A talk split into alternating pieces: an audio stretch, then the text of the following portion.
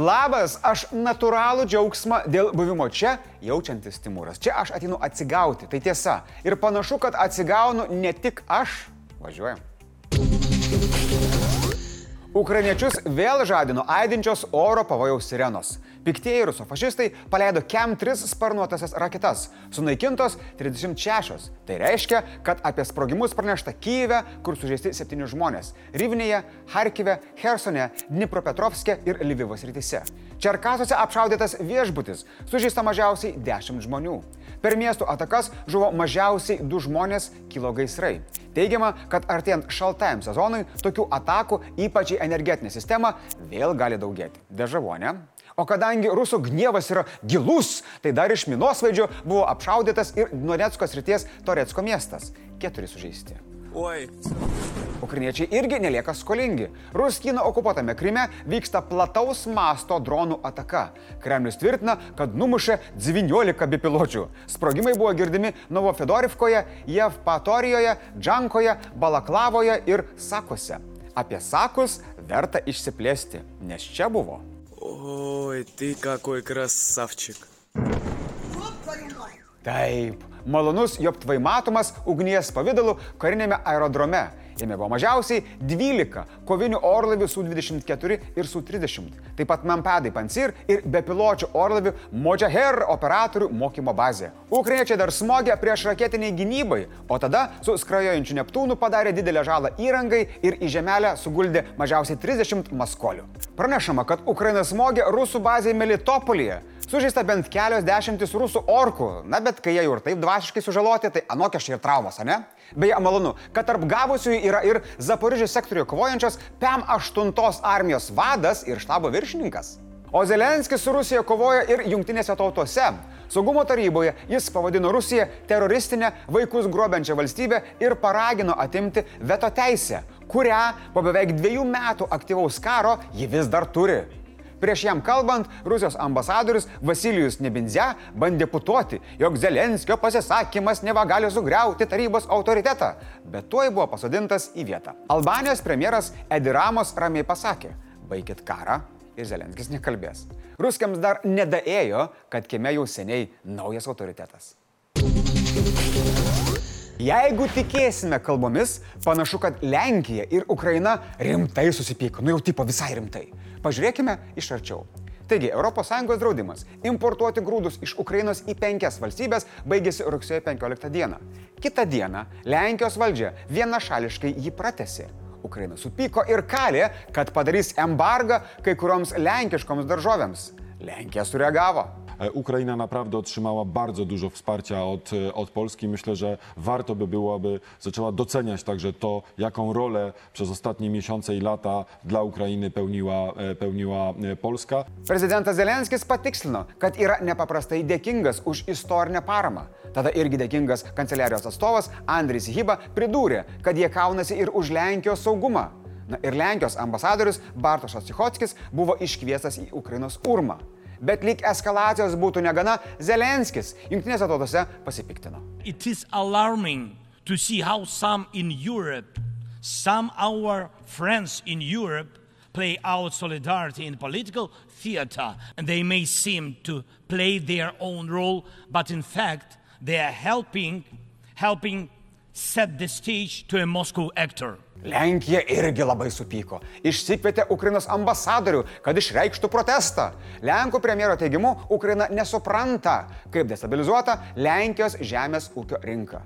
Ir čia dar ne viskas. Lenkija pareiškė, kad nebeteiks ginklų Ukrainai ir daugiausiai dėmesio nuo šiol skirs savo gynybai.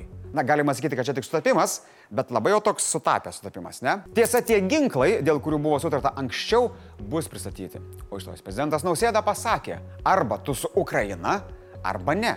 Negali būti tarpinių variantų. Kiekvienas solidarumas turi tam tikrą kainą. Kuomet iškyla e, ekonominis verslo interesas, mes jau kažkodėl pradedame stabdyti savo, savo e, tą solidarumą. Visgi šitą elgesį galima paaiškinti. Lenkijoje artėja rinkimai.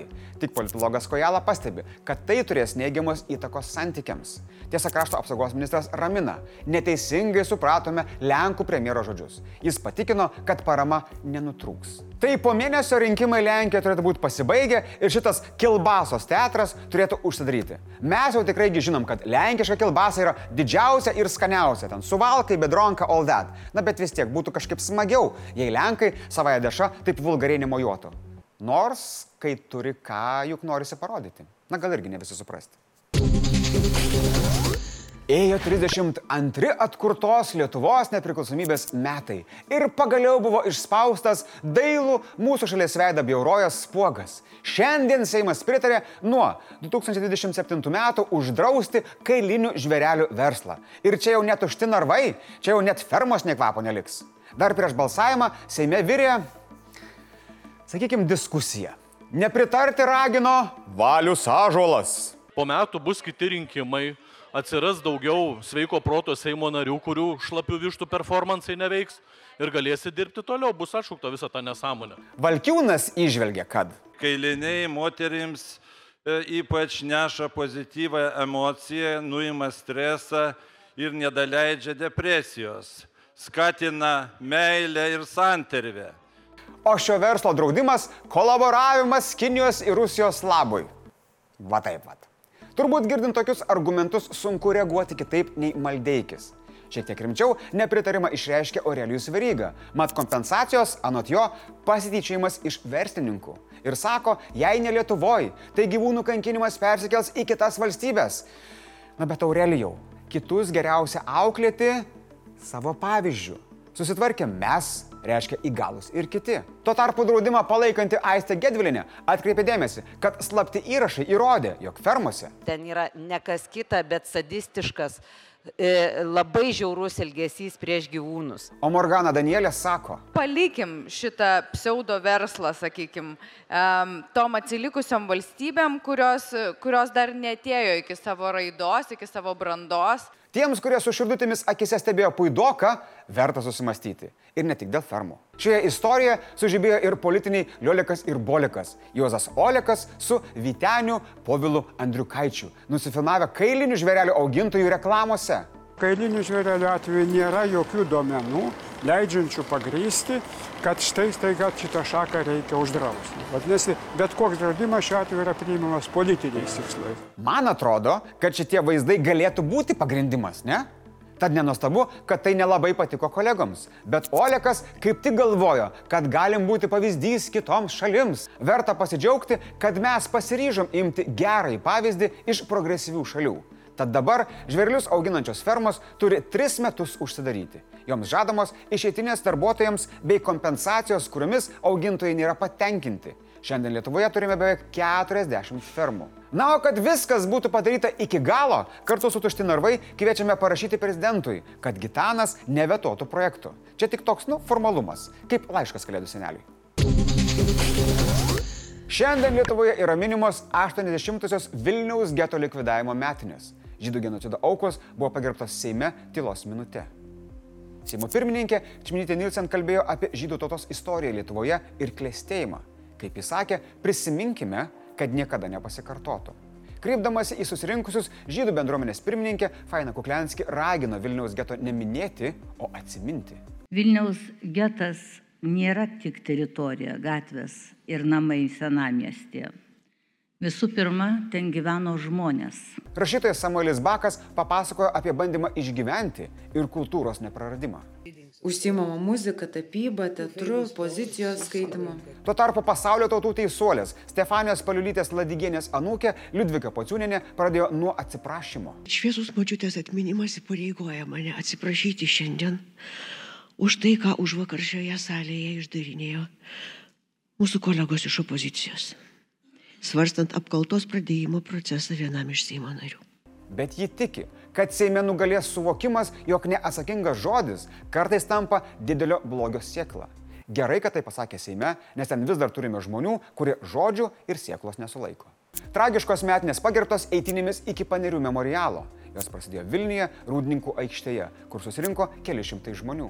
Vilniaus meras Valdas Benkunskas pabrėžė, kad prabėgę dešimtmečiai niekada neištrins didelės ir skausmingos žaizdos.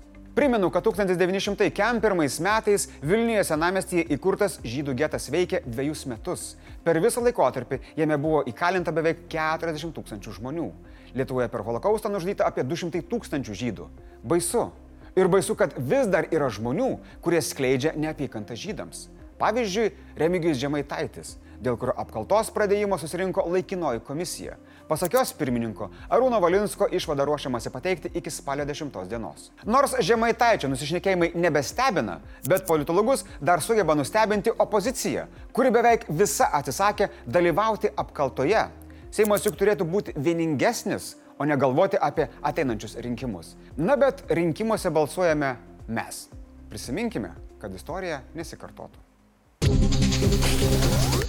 Blitz naujienos. Opozicinė Skvernelio demokratų sąjunga vardan Lietuvos traukėsi iš parlamentinių partijų susitarimo dėl gynybos.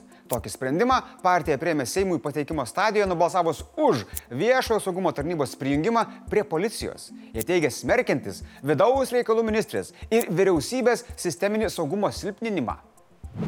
Vilniaus rajone surinktos valstybinio lygio civilinės saugos pratybos, skirtos patikrinti institucijų reakciją į galimą avariją Astravo atominėje elektrinėje.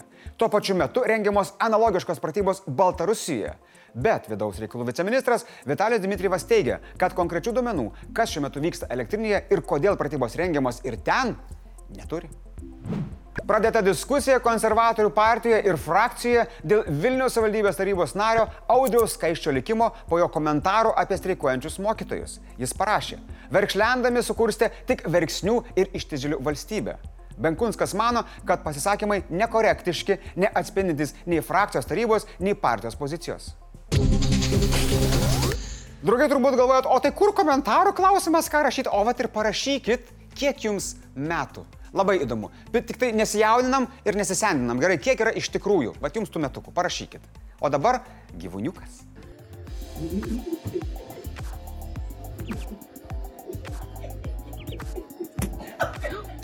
Komentarų apžvalga.